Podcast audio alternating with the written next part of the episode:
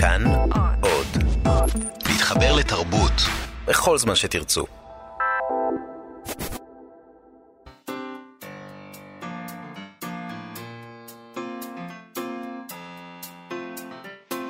מה שכרוך עם יובל אביבי ומה יעשה לה.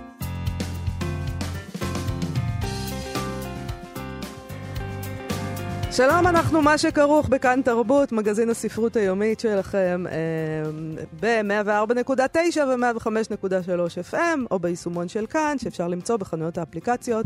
איתנו באולפן היום רות דוד אמיר ותמיר צוברי, שעושה לנו כבוד. נחמד, שלום תמיר. שותפינו למאבק. בדיוק, אה, ושלום לך יובל אביבי. שלום, מה איש יעשה לה? המאבקים הגדולים. אני כאיש המאבק, בדיוק. חכו חכו, אני עוד אצא לכיכרות פה, ואניף דקלים. עוצרים את. הנשימה פה, ויש אפילו אה, כאלה שפשוט נפלו, מרוב שהם לא נושמים כבר. הם- הם מחכים לא, למאבק שלך. הם מחכים מתי אני אתחיל לצעוד, כדי שהם יוכלו לצעוד אחריי. בוודאי. זה הציפייה. ממש working class hero קלאסי.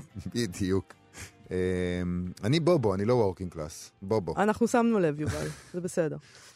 כן. היום אה, נדבר עם אה, יהודה ויזן, עורך, מבקר, משורר, מתרגם וסופר אה, ספרי ילדים. ספר ילדים חדש שכתב וראה אור עכשיו אצל הלל ולילית מהעיר הגלילית. שהוא... הילל. אני הילל, רוצה, אני גם הילל. קראתי לזה בהתחלה נכון, הלל, וקוראים לזה יש פה הילל. צרה.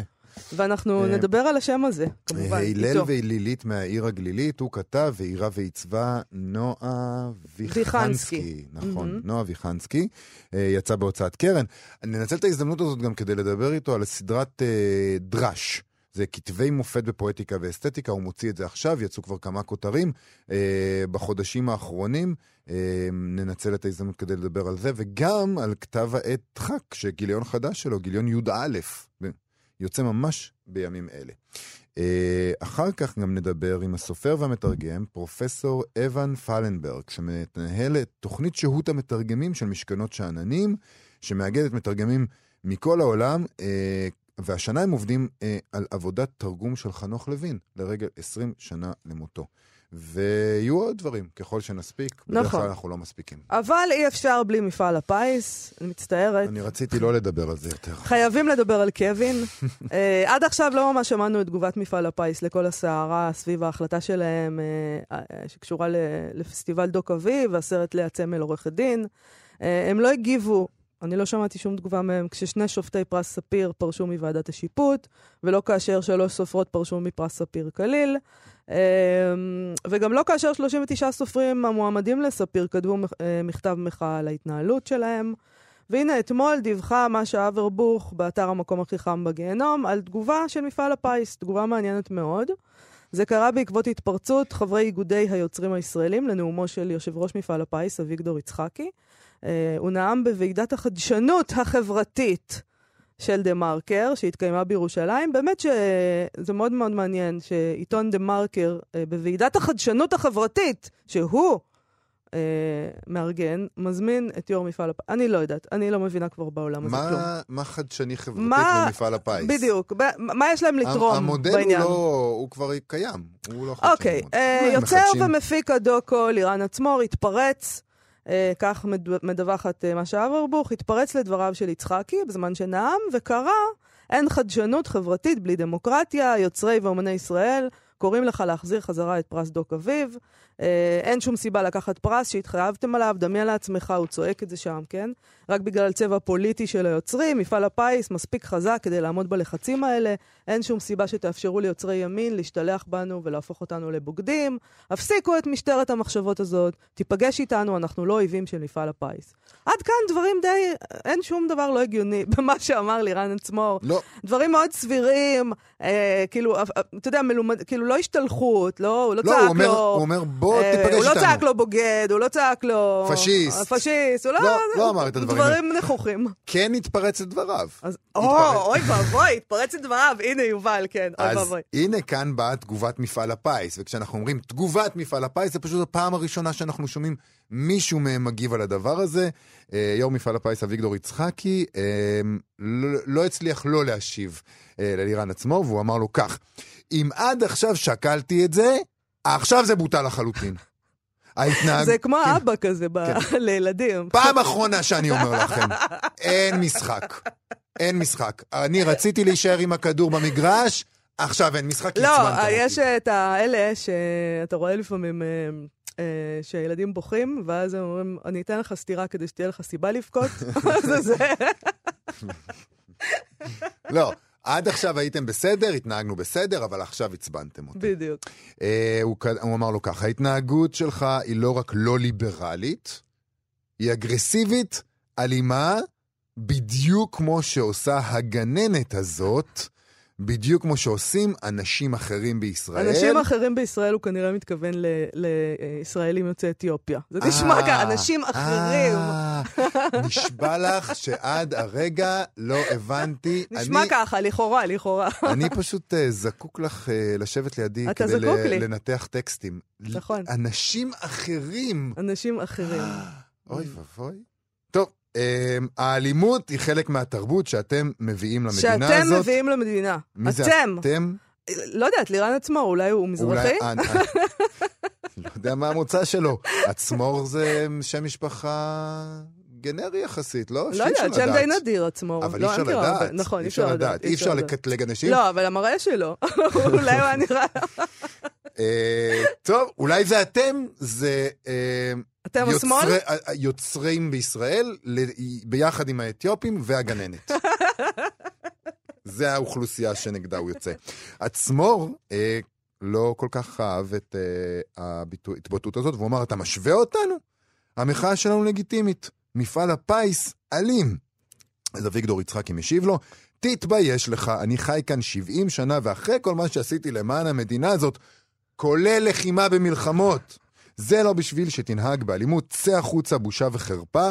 אה, אבל עצמור לא אה, הפסיק את המסר של האהבה, אה, ואמר לו, תחבק אותנו, אנחנו אוהבים את מפעל הפיס, זה לא עזר, יצחקי משיב, לא רוצה שתאהב אותי. אנשים כמוך לא רוצה שיחבקו אותי, והקהל באולם מחא כפיים לדבריו של יצחקי, טוב, וקרא לעצמור להפסיק את המחאה. שמע, קודם כל, אה, אני רוצה, יכולה להגיד לאביגדור יצחקי שבסדר, אה, אם אתה לא רוצה שאנשים כמוהו יחבקו ויאהבו אותך, אז אנחנו לא נאהב אותך, ואין שום בעיה. אני חושבת שהתגובה שלו היא ממש מדהימה. מדהימה. ההשוואה לגננת המתעללת, מלחמות ישראל בהן הוא נלחם, ובשביל מה? בשביל שיפריעו לו לנאום? בשביל מחאות דמוקרטיות הוא נלחם? אה, זה מייאש, כי זה מראה... שאין פה עם מי לדבר, והאמת שאנחנו לא צריכים להיות uh, מאוד מאוד מופתעים מהדבר הזה. אנחנו מדברים פה על ארגון שבעצם יש לו, קיבל איזה מין רישיון כזה להדפיס כסף. אז מה יאיים עליו עכשיו בדיוק? שמישהו לא ירצה לקבל ממנו כסף? זאת אומרת, מה, מה הדבר? מה האיום? מה אכפת להם? עכשיו, אני רוצה להגיד לך שאחרי שקראתי את הדבר הזה, שמאוד הפתיע אותי, אה, עשיתי גוגל וראיתי שאביגדור יצחקי הוא מינוי של משה כחלון, השר משה כחלון, שר האוצר. אה, ואולי כדאי שאיגודי היוצרים יפנו את המחאה שלהם לגורמים הפוליטיים שעומדים מאחורי יצחקי. ד... משה כחלון במ- במ- במקרה הזה, כי אתם יודעים, עוד מעט יש בחירות, ואם למפעל הפיס באמת לא, גם לא הגיוני שיהיה למפעל הפיס אכפת, שמישהו לא רוצה לקבל ממנו כסף, אז כן. הם לא ייתנו לו כסף. כן. אבל אני- יכול להיות שלגורמים הפוליטיים יהיה אכפת אה, כשמישהו מפריע להם בבחירות. אני זוכר, עכשיו כשאנחנו מדברים, אני פתאום נזכר שבאחת השערוריות הקודמות של אה, חלוקת פרס ספיר, אה, אני כתבתי איזה משהו, איזה טקסט על הדבר הזה, ואז התקשר אליי מישהו ממפעל הפיס ואמר, יודע מה? אנחנו כבר לא רוצים את הפרס הזה, לא נחלק אותו שנה הבאה. ו- וזה אותו דבר. כן. כאילו, אתם בכלל עובדים אצלנו. לא, תגידו תודה שאנחנו נותנים לכם, אתה אנחנו, יודע, אתם, מה זאת אומרת? אתם, או תגידו לנו, אנחנו לא נחלק, לא ניתן לכם.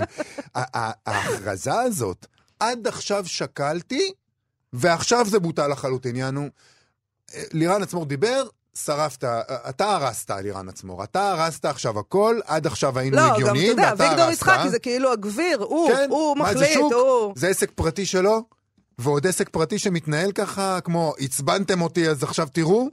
התגובה הזאת זה משחק כזה של בוס גדול, שהעובדים שלו פתאום רוצים משהו. והוא אומר להם, אל תנסו אותי, למען יראו וייראו, אל תנסו אותי ואל תעצבנו אותי, כי בכל... אתם באתם לערער על הציון, אני מוריד לכם עוד חמש נקודות. אני משוגע אני, אני קפריזי, אל תבדקו אותי. עכשיו, מה, כל, מה, מה בסופו של דבר אני רוצה עוד דבר להגיד שאנחנו יודעים מהבוקר? כן.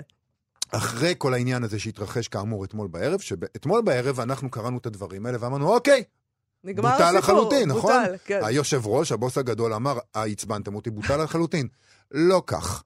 מתברר שהבוקר היו פגישות של יוצרים עם אנשי גורמי מפעל הפיס, הדברים האלה בבדיקה. של סופרים. של סופרים, מהמם. אה, אה, והדברים האלה בבדיקה. קבלת ההחלטות עדיין נבחנת במישור המשפטי, הדברים האלה אורכים כן, זמן. אבל יובל, אני חייבת לומר משהו. כל הכבוד להם שזה עדיין בבדיקה, אבל עצם זה שזה בבדיקה, זאת הבעיה. הרי על מה הבדיקה? להיות. על מה, אתם, מה, מה יש לבדוק? האם הסרט מוצא חן בעיני גורמי ימין או לא? מה, מה הבדיקה? איזה מין בדיקה? הבדיקה היא לא האם אפשר... בדיוק. הבדיקה הבדיקה היא האם אפשר, לדעתי. מבחינה משפטית, לבטל. זאת אומרת, זו בדיקה לא לגיטימית. למה שתרצו לבטל? כי אנחנו מישהו לא- מתעצבן על סרט? אנחנו לא יודעים בדיוק מה הם לא, בודקים. זה מה שהם אמרו. אנחנו בודקים אם משפטית אפשר לבטל רטרואקטיבית. כן, זה, לא- זה, זה הסיפור כן, פה. אבל יכול להיות שיש עוד דברים שהם מתדיינים עליהם, הרי הדברים האלה ברור, הם מדבר- הם מדברים על. ספינוזה, הם מדברים על שם על כל לא, מיני הם דברים. מדברים על 39 סופרים שכתבו את המכתב הזה. ממש, הם מדברים על זה, יובל, יומם ולילה הם דנים אני בטוח ב-39 סופרים. זה מאוד מטריד אותם, זה בטוח. אנחנו לא יודעים על מה הם חושבים, לא, אבל אני לא אגיד לך. על מה אנחנו דיברנו עכשיו. אנחנו דיברנו עכשיו על יו"ר מפעל הפיס, שמכריז זה בוטל לחלוטין, בעצבים, כי זה שלו, ואז יש את המציאות שבה ממשיכים לבדוק את זה, ומה עדיין בוחנים את זה, ושבה הוא לא יכול לעשות ככל אז העולה על אני רוחו. רוצה להוסיף, ואני אגיד את זה עוד פעם, כי אתה אמרת עוד פעם את מה שכבר אמרת קודם, שזה לא לגיטימי המציאות הזאת, שבה הם בוחנים מבחינה משפטית. זאת אומרת, אם הם מקווים שיהיו עורכי דין שימצאו איזה תת-סעיף שיגיד להם אפשר לבטל. לא, זה לא לגיטימי, כל הבחינה הזאת לא לגיטימית. ותפסיקו להיות כאלה רכרוכיים. ואתם יודעים, משה כחלון יכול להיות שהוא הבוס הגדול פה, אז אולי תלכו אליו. אולי, לא יודעת, לכאורה. לכאורה. אה, כמו שאמר אה, רועי חסן, אה, שנים אה, יורקים עליי ואומרים לי שזה גשם. בבקשה.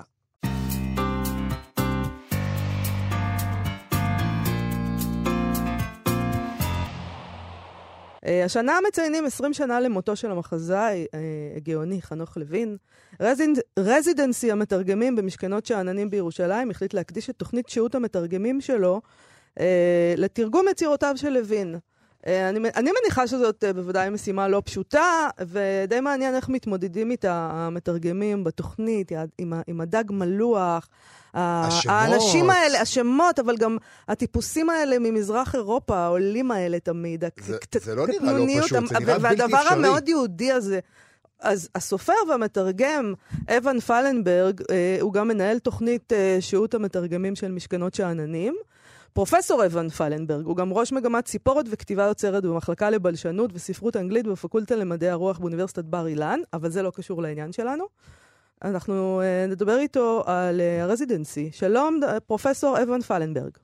שלום, צהריים טובים. צהריים טובים לך. אז, אז ספר לנו איך מתרגמים את חנוך לוין, אה, והאם התחושה שלנו שזה אה, דבר לא פשוט היא נכונה, לתרגם את, ה, את הדבר המאוד יהודי הזה שהוא עושה. כן, אה, במילה אחת רציתי לענות לך, בקושי. בקושי. בקושי אוקיי. מתרגמים. ממש אה, לא פשוט בכלל, אבל זה כמובן למתרגם, אה, זה הפרויקטים הכי מעניינים. אלה שיש קושי טמון ומעניין, משהו, משהו עסיסי. כן. ובאמת עלית על אולי אחת השאלות הכי גדולות אצלו זה עניין של השמות, כי השמות מאוד משמעותיים אצלו, אה, יש אה, כובד, יש... אה, אנחנו שומעים מכל האורחים שלנו, אנשים שבאים לדבר עם המתרגמים, כל מיני סיפורים מאחורי הקלעים, בין אם זה בשפות שהוא בחש בהם, פולנית, יידיש, והוא לקח כל מיני דברים משמה לדמויות שלו. או בין אם זה מושגים שקיימים בעברית ולא קיימים בשפות האחרות שכל המתרגמים מתרגמים אל אה, השפות האלו. כן. אז מה, אז מה עושים? אז איך זה מתקיים, ה, באמת, ה, בתכלס, הרזידנסי הזה? יושבים ומעלים את הסוגיות? זה חלק מהעניין. אמ, תמיד מה שאנחנו עושים, וזו הפעם הרביעית אה, שאנחנו עושים את הרזידנסי הזה ב- במשכנות, כן. למרות שזה זה שונה, זה באמת שונה. א', שזו הפעם הראשונה שאין לנו את, ה, את הסופר איתנו, שזה הפוינטה, שהמתרגמים יכולים להתייעץ עם הסופר או סופרת. אה, אה, כל פעם. כן. אה, וגם בשנים אין- קודמות כל המתרגמים תרגמו את אותה יצירה, וכאן אני מבין שכל כל אחד בוחר יצירה אחרת, מחזה אחר. לא, אנחנו בחרנו עבורם אה, שני מחזות. אה, אה, אוקיי. והקו אה, שלנו היה- ככה, בחרנו בילד חולם, כי זה קלאסיקה של לוין, ולמדינות שלא כל כך מכירים את לוין, כמו שוודיה או יפן, זה היה הכי מתאים. ולאלה שממש ממש מכיר, מכירים, את המדינות שמכירות את לוין, אז בחרנו מתאבל ללא קץ, אה, מחזה שכמעט לא תורגם בכלל. אז למשל באמריקה או בגרמניה או בסין, אה, תתפלאו לשמוע אה, שיש יותר לוין ויותר אה, היכרות, אז אה, זה יותר מתאים להם. סין, איזה- איזה- בסין יש היכרות. אמריקה, יפן וסין אמרת. אמריקה, אה, גרמניה. גרמניה. אה, וסין. לא יודע מאיפה שמעתי יפן. יפן זה היה אה, הילד חולם. אה, ילד חולם, אוקיי. כן. מה, בסין אוהבים את זה, נכון? מדהים. בסין וואו, מתחברים אליו? ממש, מוזר. ממש, ממש מתלהבים. זה שוק טוב להצליח בו. כן, נכון, ויש לנו פה, המתרגם שלנו לסינית, הוא גם פרופסור באוניברסיטת תל אביב לענייני מזרח אסיה, ויש לו בלוג שהוא כותב בין היתר על חנוך לוין, וקוראים את הבלוג אה, בערך מיליון ומשהו אנשים. מדהים, אז אה, בהחלט אה, יש. יודעים בסין. פנטסטי. זה מאוד עוזר, כי כאילו אחוז מאוד מאוד קטן ממיליארד איש, זה עדיין קהל מאוד רחב. אכן, אכן. אז, אז- אז... אז, מה, אז איך מתמודדים באמת אבל עם לדבר, אה, נגיד לתרגם לסינית או ליפנית, אה, אה, עולם מזרח אירופאי של אה, דג מלוח ו, וקטנוניות כזאת. איך עושים את זה? אה, ליפנית ולסינית, או לתרבויות שלהם, זה, מה- זה, זה באמת אה, אולי הכי קשה, אבל אל תחשבו שזה לא קשה לתרגם אותו לאנגלית, למשל, מה Mm. שאני עשיתי עם הקולגה שלי, ג'סיקה כהן. חמישה מחזות של לוין, אנחנו תרגמנו.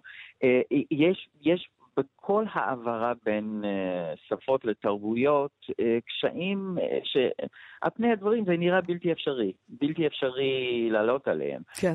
למדנו אתמול מאלמנתו של לוין, ליליאן ברטו, שחנוך לא אהב את ההי הידיעה. ולהתמודד עם, רק עם העניין הזה לאנגלית זה כן, קשה. כן.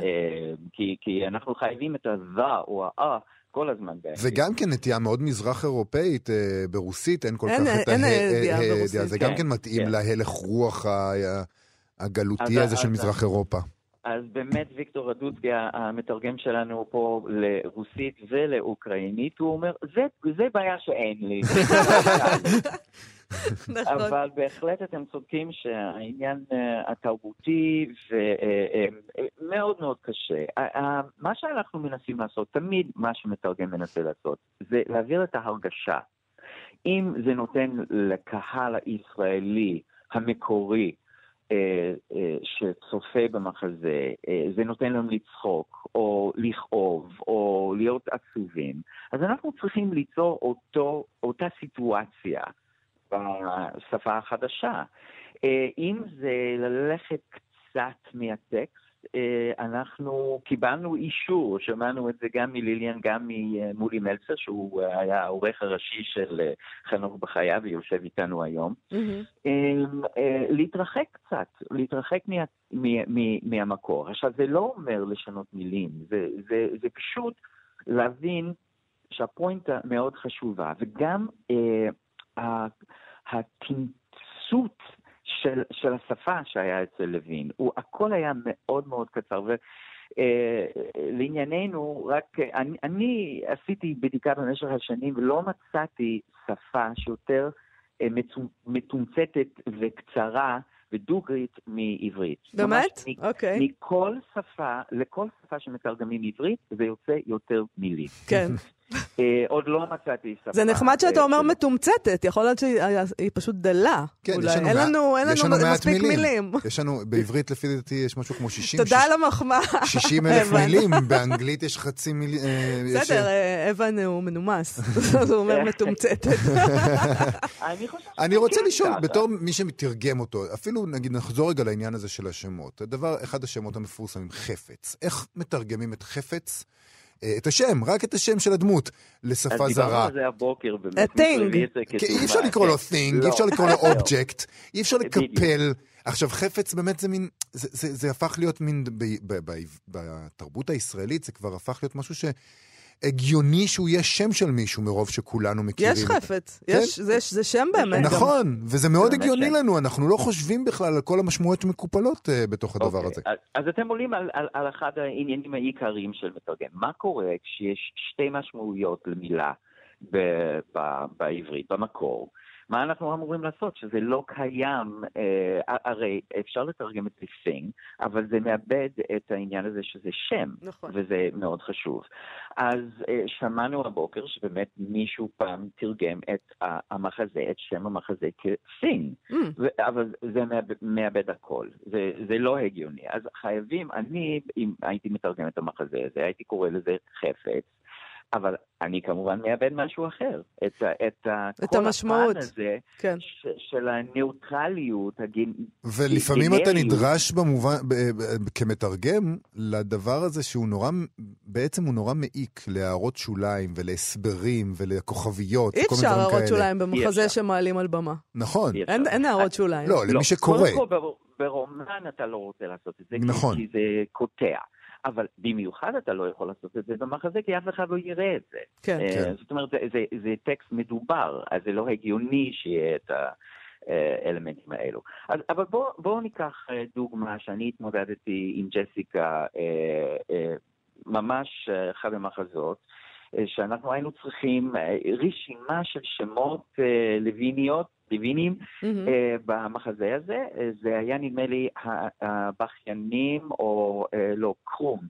אה, בכל מקרה, אה, יש את השקטי, אה, יש שם כזה שקטי. כן. והקהל הישראלי מבין שזה קשור לשקט, והבן אדם הזה באמת לא מדבר, לא מדבר לאורך כל המ- המחזה. ולכן זה משמעותי שזה השם שלו והוא לא מדבר. אוקיי. אז לקרוא, לה- להשאיר את השם שקטי אה, באנגלית, זה מאבד את המשמעות. אז אנחנו בחרנו לקרוא לו סילנטי.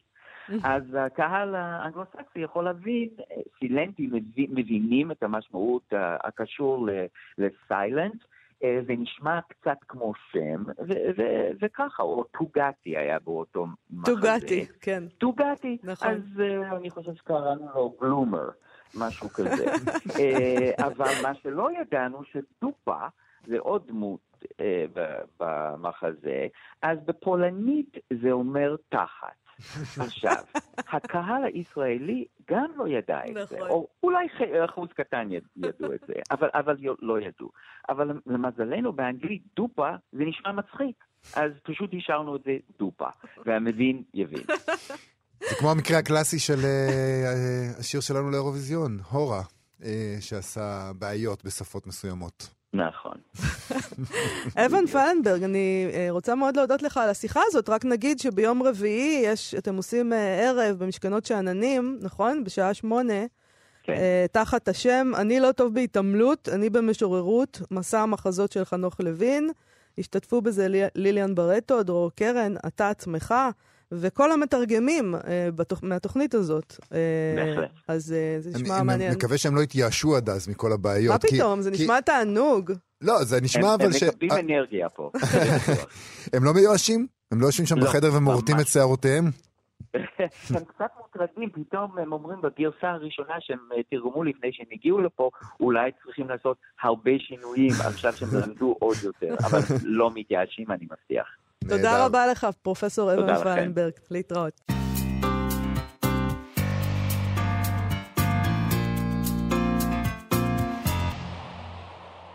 מה שכרוך בכאן תרבות חזרנו, ספר ילדים חדש יצא כעת לאור, שמו אצל הלל ולילית מהעיר הגלילית, כתב אותו יהודה ויזן ואירה נועה ויחנסקי. אה, מה אגיד עליו? זה ספר ילדים לא שגרתי ונהדר למדי. ספר שאולי הורים כמוך, יובל, יירתעו ממנו. Uh, הוא ספר כמו פעם, הוא לא מתכופף לכללים של התקינות הפוליטית. לא מקובל עליי, לא מקובל עליי. אתה תצטרך לצנזר ממנו הרבה, אין מה להגיד. תענוג, זה ספר, אני ממש, אני מחכה שיהיו לי נכדים כדי שנוכל להקריא. כי זה ספר שמבקש להקריאו בקול רם.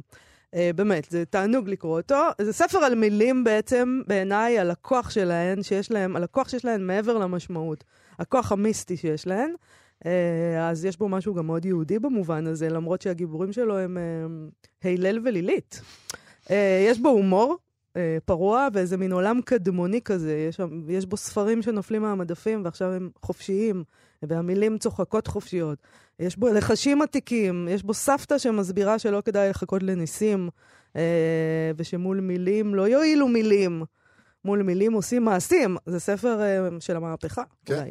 ממש. Uh, בוא אולי תקרא uh, משהו מתוכו, uh, הרחיקו את הילדים מהרדיו, רגע. אני מקווה שאני אצליח להקריא את זה, כי זה דורש איזה מין מקצב כזה. רגע, ש... אז אולי uh, נבקש מיהודה ויזן שיקרא אותו? אה, זה רעיון. שלום למשורר, מתרגם, מבקר ועורך כתב העת. כן, בוקר טוב. בוקר טוב. יהודה ויזן, שלום לך. איזה שלום, בוקר, שלום. צהריים uh, מאוחרים. די, שמתי שעון מעורר במיוחד לתוכנית. האם אה, יהודה ויזן, אתה מוכן לקרוא בשבילנו? ש... בוודאי. אבל אני אגיד לך מה. בדיוק, אנחנו לא בוחרים. אתה לא תקבע פה. אוקיי. אני הכנתי פשוט, אה, רציתי שיובל יקרא את חטא. זה מקובל עליך? כן, פרק זה חטא? נחש הקלטון. אה, נחש הקלטון וליבי התנין. בדיוק. אה, הם שני יצורים מאוד משונים. נכון. האחד הוא נחש שזוחל רק עקום, השני לוויתן עם זנב של דרקון. ואין בעולם עוד שניים כאלה. חיות עתיקות שנולדו בתוך מלל, בתוך ספר ישן עם כריכה נהדרת, שאבא הלל קורא בו כל ערב, שאימא לילית סיפרה שנכתב לפני שהמציאו בכלל את הכתב. ואין בעולם עוד שניים כאלה, חיות מפחידות עם שיניים אלף, חיות שהעין חוששת לראות, חיות שנראות כמו חיות רעות.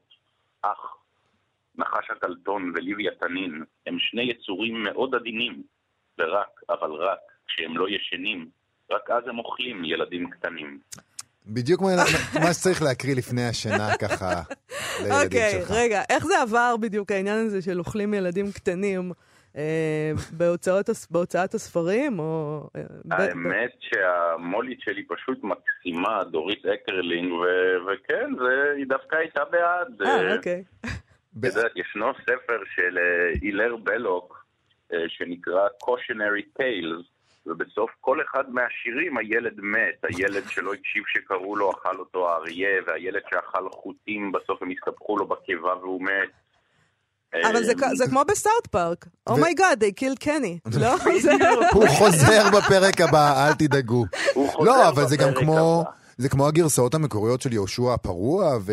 יהושע הפרוע. בגלל זה אמרתי כמו פעם, יהודה, כי פעם אה, כתבו ככה לילדים, והיום כבר לא כותבים. היום הכל ורוד. על הגרסאות המקוריות של אה, כיפה אדומה, כמה הן מפחידות. נכון, נכון. גם הגרסה הנוכחית. מה זה? גם בגרסה הנוכחית, כאילו, גם אם מצילים אותה בסוף, זה לא כל כך נעים לי. אולי לך זה מפחיד. אתה תופתע לגלות מה סף הרחש שלי בנוגע לפחד. אני רוצה לשאול, אה, יהודה ויזן, מה פתאום ספר ילדים? על מה ולמה? אה, מדוע? אני מאוד אוהב ספרות ילדים, זה כיף, זה מקום שאפשר, אה, בספרות ילדים שהיא לא דידקטית במכוון או משהו, זה מקום שמשורר יכול לשחק הרבה עם השפה, יכול לעשות... לחזור להיות ילד. זה, זה לא מקרי שהרבה מהסופרים והמשוררים שאני אוהב גם כתבו ספרות ילדים. לאחרונה תרגמתי ספרי ילדים של ג'ויס, או ספרי ילדים של פוקנר, או כל מיני כאלה דברים שהם פשוט פרועים יותר. אז אתה יודע, אפילו לא נוח לקרוא לזה ספר ילדים, זה, זה ספר לי. יש בזה איזה מידה אולי שתואמת, נגיד, את הדמות שלך כריאקציונר, נקרא לזה. בן אדם שרוצה אה, אה, להחזיר את הדברים לאיך שהם היו פעם, לפני שהתקינות הפוליטית השתלטה על הדברים. אה, זה שליחות. כל, אתה יודע, קטונתי באמת שביחס לקלאסיקות, אמנם ניסיתי, כן, ניסיתי לכתוב קלאסיקה, אבל, אבל קטונתי, זה ספר ראשון. יש באמת, אתה יודע, העניינים האלו הם לא, הם לא אישו עבורי, התקינות, לא תקינות, אני יושב, אני כותב, אני נהנה. זאת אומרת, לא אמרת לעצמך, בוא נציל את הילדים מכל ספרי הילדים לא, הנחמדים לא, לא. מדי. הנה, למשל, אני זוכר שהייתי ילד, הייתה מפלצת שתמיד איימו עלינו, אולי זו מפלצת של מזרחים, אני לא יודע, אבוללה. אם אתה מכיר את האבוללה שיבוא אליך בלילה. עליי לא איימו עם זה. לא, לא, אוקיי. אצלי בלילה לא הגיע אבוללה. זה היה איום, ידענו שיש אבוללה. אוקיי. וזה עזר. לנו אמרו, יבוא שוטר או משהו, אתה יודע, כי שוטר זה לא מאיים על אשכנזים, ממש, זה איום, זה איום רק על מזרחים. אם לא, אם לא תסיים את הסטייק שלך. בדיוק, את הפילה מיניון שלך יבוא שוטר. כן.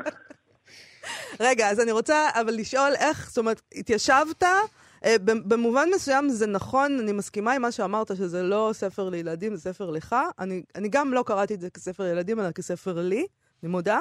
אמ, ולא מתכוונת להשאיל אותו לאף אחד, לאף ילד מסביבי. אה, אני לא מקבל אותו? אלא מתכוונת, ממש לא. אלא מתכוונת להשאיר אותו לעצמי. אמ, ואני רוצה אבל כן לדעת איך הוא נולד. כלומר, הסיפור הזה, הלל ולילית, כל הדבר הזה. שוב, אה, זה אלו שאלות, אה, לא יודע, לחינוכית, בשנות, איך שיר נולד, איך ספר ילדים נולד, אני לא, לא הלל ולילית זה השטן והזה, למה, מה פתאום? יש המון למדים בשם. אוקיי.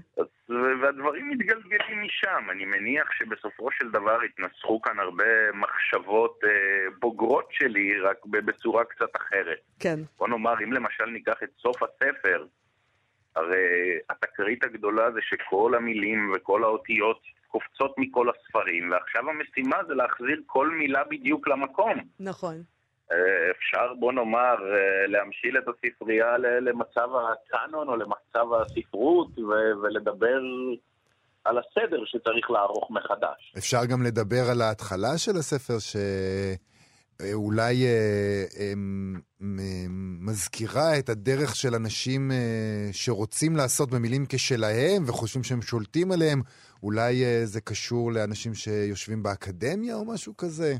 שחושבים... אה, האקדמיה לא עד כדי כך משמעותית בחיי. לא, לא יודע. אני חייב, אבל... להגיד, אני חייב להגיד שהסוף של הספר בלבל אותי, כי כמו שמאיה אמרה בהתחלה, זה ספר שנותן המון המון כוח למילים ולאותיות, אפילו אם אין להן משמעות אה, אה, מילולית כמו שאנחנו מכירים אותה, הן מסוכנות. והן כל כך מסוכנות עד שאנשים שחושבים שהם שולטים בהן, בסופו של דבר מאבדים שליטה והן יוצאות והן עושות מה שהן רוצים. אבל אז הסבתא אומרת, תילחמו בהן במעשים. וזה עובד. נכון. זאת אומרת, בסופו נכון. של דבר, המילים חזקות, המעשים חזקים, המסרים לא, סותרים. המילים מאוד חזקות, אבל בסופו של דבר יש את העניין של המציאות ולקבוע עובדות בשטח. למילה לא עוזר הרבה אם אתה בא ומרים אותה פשוט. אין לה, אין לה איך להתנגד. אתה צריך אה, לסדר אותה נכון בתוך, בתוך הספר, יובל. זה גם נכון, כן. אה, אבל... אני, אנחנו, אני רוצה לדבר גם קצת על דברים אחרים, ולא רק על אה, ספר מה? הילדים. נו מה. אחרת הייתם מזמינים אותי. אנחנו, יש לנו איזה ארבעה או חמישה דברים על האג'נדה במינימום איתך. כן, אה, כן, האמת שתקופה מאוד אה, עסוקה עכשיו. זהו, זה נראה ככה, שאתה מאוד עסוק. תהינו, מתי אתה ישן? יש לנו הוצאת הספרים דרש, שיצאו השנה כמה ספרים. יש לנו את דחק שיצא עכשיו, ספר לנו על דרש, מה זה? אוקיי, בתוך דחק הקמתי סדרה שנקראת דרש. שהיא אמורה לתפקד כמעין מיני סדרת טעמים הנפלאה שהייתה פעם. ובאמת היא מוקדשת לספרים שמתעסקים באסתטיקה ופואטיקה, חיבורים קצרים יחסית. אמ, יצא שם כבר ג'ון סטיוארט מיל ויום ובודלר, ועכשיו הולך לצאת קלופשטוק ורבי מנחם תמר ומדאם דה סטל, ויש פשוט כל כך הרבה דברים לעשות, וכל כך הרבה אנשים נפלאים שכן נרתמים לפרויקט הזה. אבל... המקום שבו אפשר לחשוב קצת על, על האיך. אבל אלה ספרים שהם ממש מכריזים על עצמם כמעט כמיועדים לשכבה מאוד מאוד צרה של קוראים. זה, זה לא יהיה רב-מכר. זה לא שיקול, כמובן. אה, תראה, בסופו של יום, חלק גדול מהדברים שאני עושה מיועדים לקהל הכותב. Mm-hmm. בתוך שיח פנימי מסוים, ש... כן, אני לא, לא מצפה, אתה יודע, מישהו צריך ספרים גם בשביל מי שכותב את הספרים. אה, אז, אני אז, מניח שאלו לא נושאים שמעניינים את הקהל הרחב, אבל הם בהחלט מעניינים אנשי ספרות וגם אנשי אקדמיה, ו... תספר לנו קצת מה, מה, מה אה, יש בספרים שכבר יצאו. מה, למה החלטתם להתחיל בהם? למה אתה החלטת להתחיל בהם? אמ, האמת ש- שיש לי כבר, זה כל העניין, אה, השאיפה להקים את הסדרה הזו, אני מתבשל עם זה כבר כמה שנים, ופשוט אה, נוצרה אצלי רשימה כל כך ארוכה של כותרים אפשריים. אז אה, אתה יודע, מו"לים מכירים את זה. ברגע שיש הזדמנות, אני לא, לא יכול להגיד שהיה איזה, נתחיל דווקא בזה כהצהרה. יש פשוט כל כך הרבה כותרים, ומה שמזדמן מוציאים. מה שאפשר עכשיו, מתחבר איזה תקציב עם איזה מתרגם או מתרגמת, וקדימה. אני... זה לא איזה עניין אידיאולוגי. העיקר לעשות. אה, אה, רק לטובת כן. המאזינים, הדבר הזה מופץ בחנויות הפרטיות רק, נכון? הם- לא, מה פתאום. כל ספרי דחק נמצאים גם בסטימצקי אה. וצומת. אוקיי, ודאי, ודאי. אוקיי. אז אז בואו אגב, נדבר דחק. קצת על, אה, על דחק. מה... דחק דחק החדש, אה, אב דחק י"א. הכרס, דחק י"א. זה יחסית לא כל כך הפעם, לא, לא כל כך. אה, באמת? לא, אני הרגשתי את 500 המשקל. 500 ומשהו עמודים, היו אה. כבר של 800 ו-900. בקטנה, אה, יצאתם בזול הפעם, בסדר. כן. מה, לא היו אה, חומרים? לא לא, לא, אתה יודע, אני תמיד, זה זה לא מתוכנן, אני רק ב- בסוף יודע כמה עמודים יצא. ברור. אני מאוד. התעניינתי אה, בתמלול ההקלטה של אה, שיחה בין בנימין תמוז למנחם ברינקר שנכלל שם. זו שיחה מ-1969, שאתה נתת לה את הכותרת, אני מניח שזה אתה, כי אתה הבוס של כל הדבר הזה.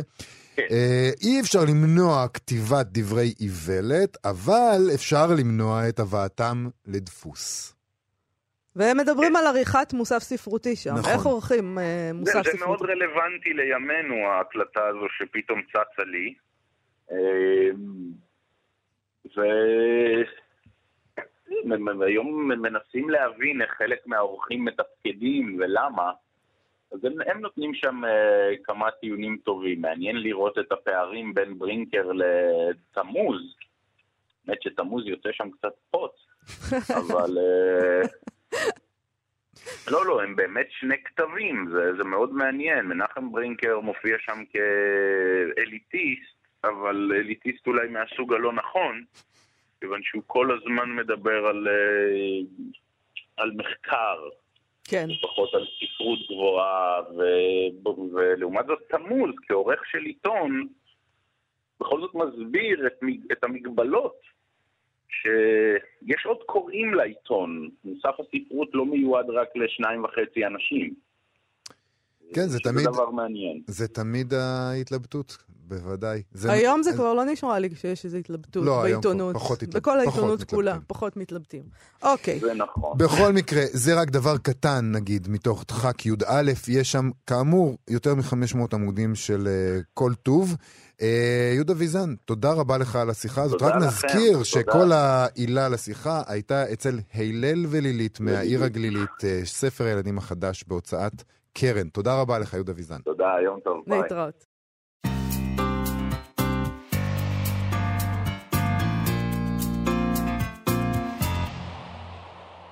אנחנו מה שכרוך בכאן תרבות, זה היה ג'וני קאש. אמ, ספרייז. אה, אתה נשמע נורא מופתע. תמיד אני נשמע נורא מופתע. כן, למה אה, אתה תמיד נשמע נורא מופתע בעצם? אני פשוט עומד בפליאה מול העולם. אה, אוקיי, בסדר. לא, כי ג'וני קאש זה לא כזה מוזר שאני אני שמה את לא, ג'וני לא קאש. מוזר בכלל, אוקיי. יופי של אה, מוזיקה.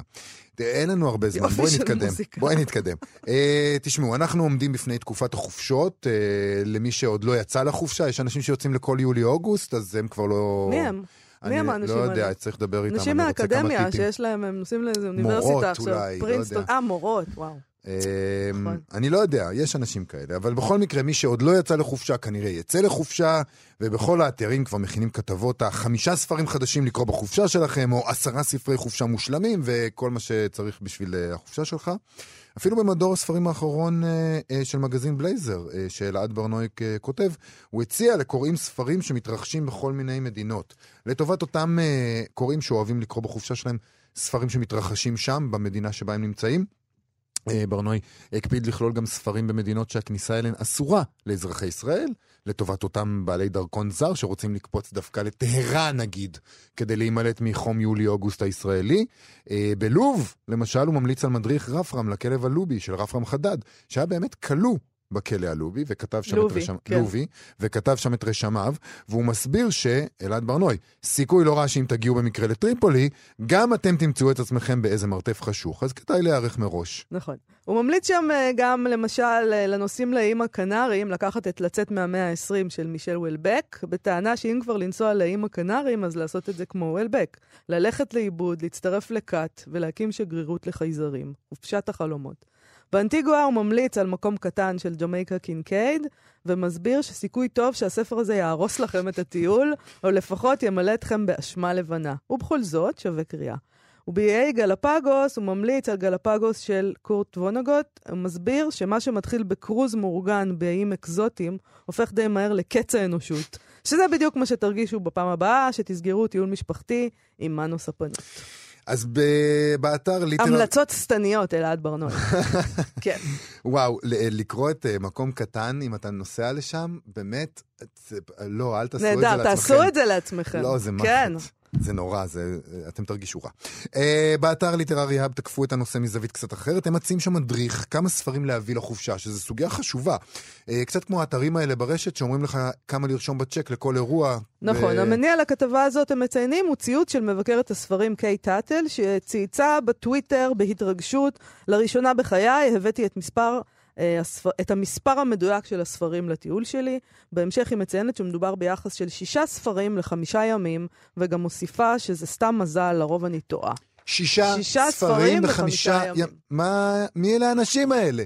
אין סיכוי מבחינתי, פשוט אין סיכוי. אני, אני לא רוצה להגיד אה, מילים חריפות, אבל נדמה לי שיכול להיות שהיא משקרת.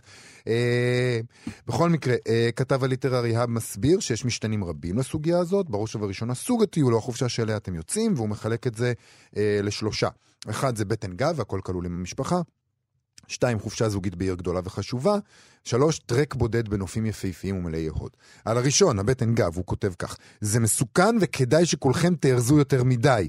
אפילו אם אתם אוהבים את המשפחה שלכם, זה סוג החופשה שיכולה להפוך מהר לסיוט מלחיץ, שבו הצירוף, השילוב של אוזניות וספר יספקו מחסום כלשהו לצרכים הבלתי פוסקים של הקרובים האהובים לשעבר. אה, הוא מציע לקחת הרבה רומנים קצרים, 12 כאלה.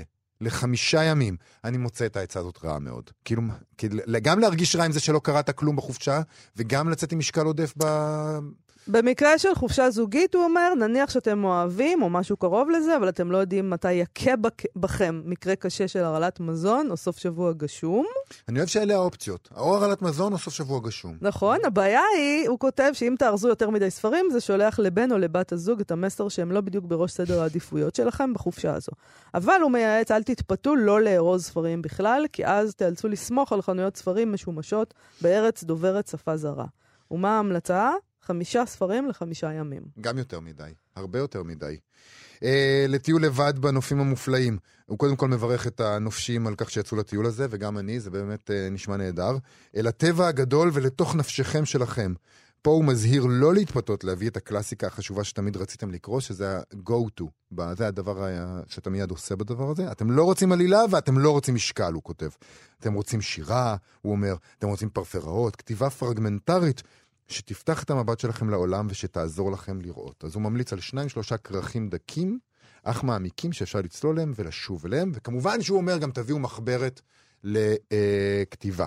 אה, כמה ספרים את לוקחת? אחד או שניים, ובדרך כלל... אה, השני הוא רק אה, למקרה שהראשון יהיה מזעזע. אין לי זהו. זמן, אני בדרך כלל אין לי זמן בכלל לקרוא בחופשה, אני לא מבינה. למה הם מקשקשים פה. אני לא יודע גם כן. אני גם לוקח אחד או שניים, ואני לא לוקח שניים כי אני מפחד שאני אסיים את הראשון. יכול להיות שמדובר באנשים שנוסעים עם ילדים, ועם אומנת לילדים, או שהם פנסיונרים והם כבר לא צריכים לטפל בילדים, ולא כל האנשים נמצאים במצב האומלל שלנו, שאין לנו זה לקרוא. לא, זמן אני, לקרוא. ילדים לא נותנים לקרוא בכלל, אבל אנחנו צריכים לסיים. אוקיי, אז אה, תודה רבה לרות דוד אמיר ותמיר צוברי. כאן עוד. להתחבר לתרבות בכל זמן שתרצו.